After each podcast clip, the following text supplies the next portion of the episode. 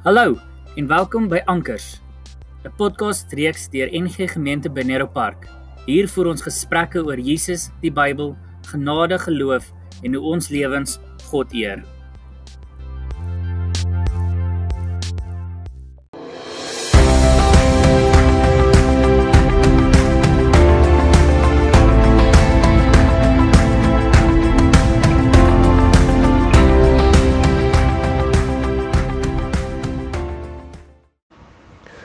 Goeiemôre.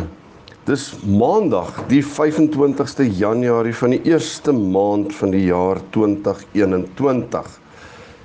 25ste al, mens kan nie glo die jaar het ook so vinnig al tot by die 25ste gekom nie.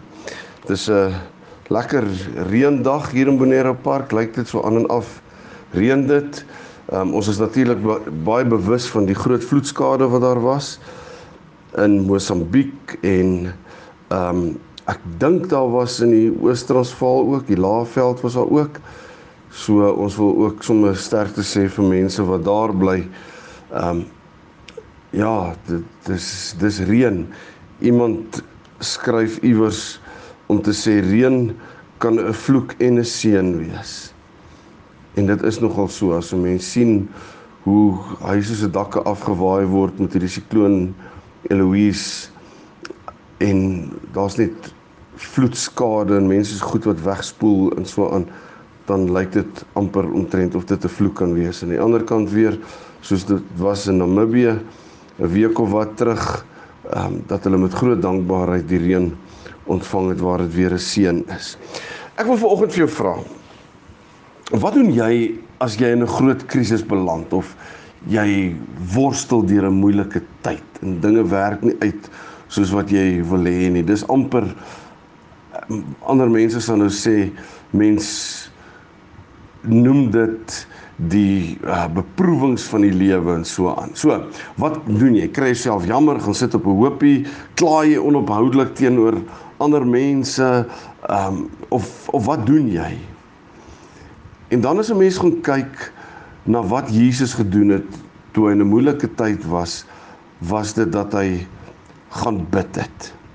Wat interessant is, ehm um, en gaan lees gerus Lukas 22 daarvan vers 39 tot 46 dat Jesus het gaan bid voor sy kruisiging. Toe dit ek wil amper sê ehm um, 'n krisis wat voor hom was waarna hy glad nie uitgesien het nie.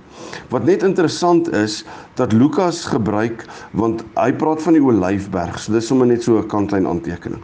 Lukas praat van die Olyfberg terwyl ander evangelies praat van uh hulle gebruik hier 'n mitiese plek naam Getsemane en dit word deur Lukas weggelaat. Hy verwys eerder na die Olyfberg wat die hele gebied aandui en wat ook die tuin van Getsemane insluit. Sommige net so vir ingeval jy dalk iewers agtergekom het, maar hier word nou twee name gebruik vir Getsemane of uh die Olyfberg.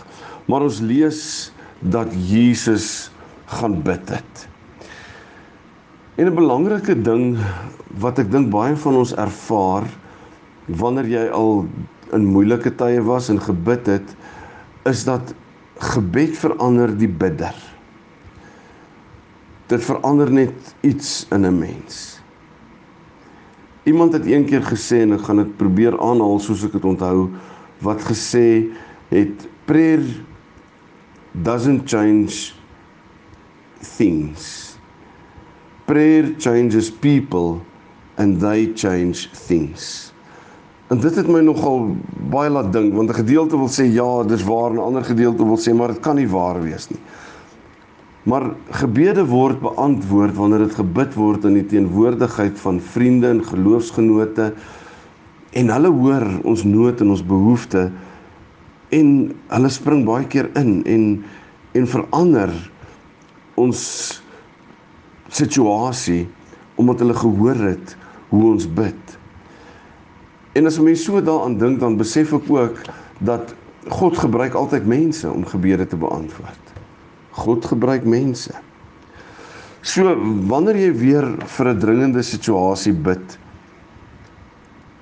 maak voorsiening daarvoor, wees oop daarvoor dat gebed jou dalk kan verander. dat gebed ons anders laat kyk na goeders. Gebed verander iets hier binne ons. So maak ruimte daarvoor dat gebed jou verander, hoe jy kyk na jou situasie.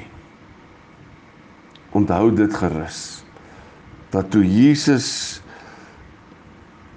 um, die moeilikste deel van sy lewe om die draai was, het hy gaan bid.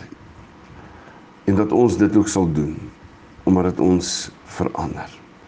So as jy vandag vir 'n spesifieke saak of 'n persoon of wat ook al bid, laat ruimte dat dit jou kan verander. Jou siening omtrent die saak waarvoor jy bid. Jy dalk bid dalk dat iemand anders jou moet vergewe, maar miskien is jy die persoon wat moet vergewe. Iets in daai lyn. Maak ruimte dat gebed jou kan verander. Geniet vandag. Is 'n lekker koel cool dag as mense dit vergelyk met verlede week se hitte en laat toe dat gebed jou verander. Kom ons bid saam. Hemelse Vader, vanoggend bid ons vir verandering. Ons bid vir verandering vir die wêreld, ons omgewing. Ons bid vir verandering in verhoudings tussen mense waar hulle kwaad is vir mekaar en die son nie oor die ander een gin nie. Maar Here, dan wil ons soos iemand in 'n boekie geskryf het 'n sirkel op die grond trek en binne in die sirkel gaan sit en sê begin om die wêreld te verander, maar begin binne in hierdie sirkel asseblief. Begin by my. Begin by my. Asseblief, Here. Dankie vir nog 'n dag. Dankie vir die reën daar buite. Ons bid vir mense wat swaar getref is deur die reën, vir wie dit nie 'n seën is nie. Vir wie dit ongemak en verlies bring.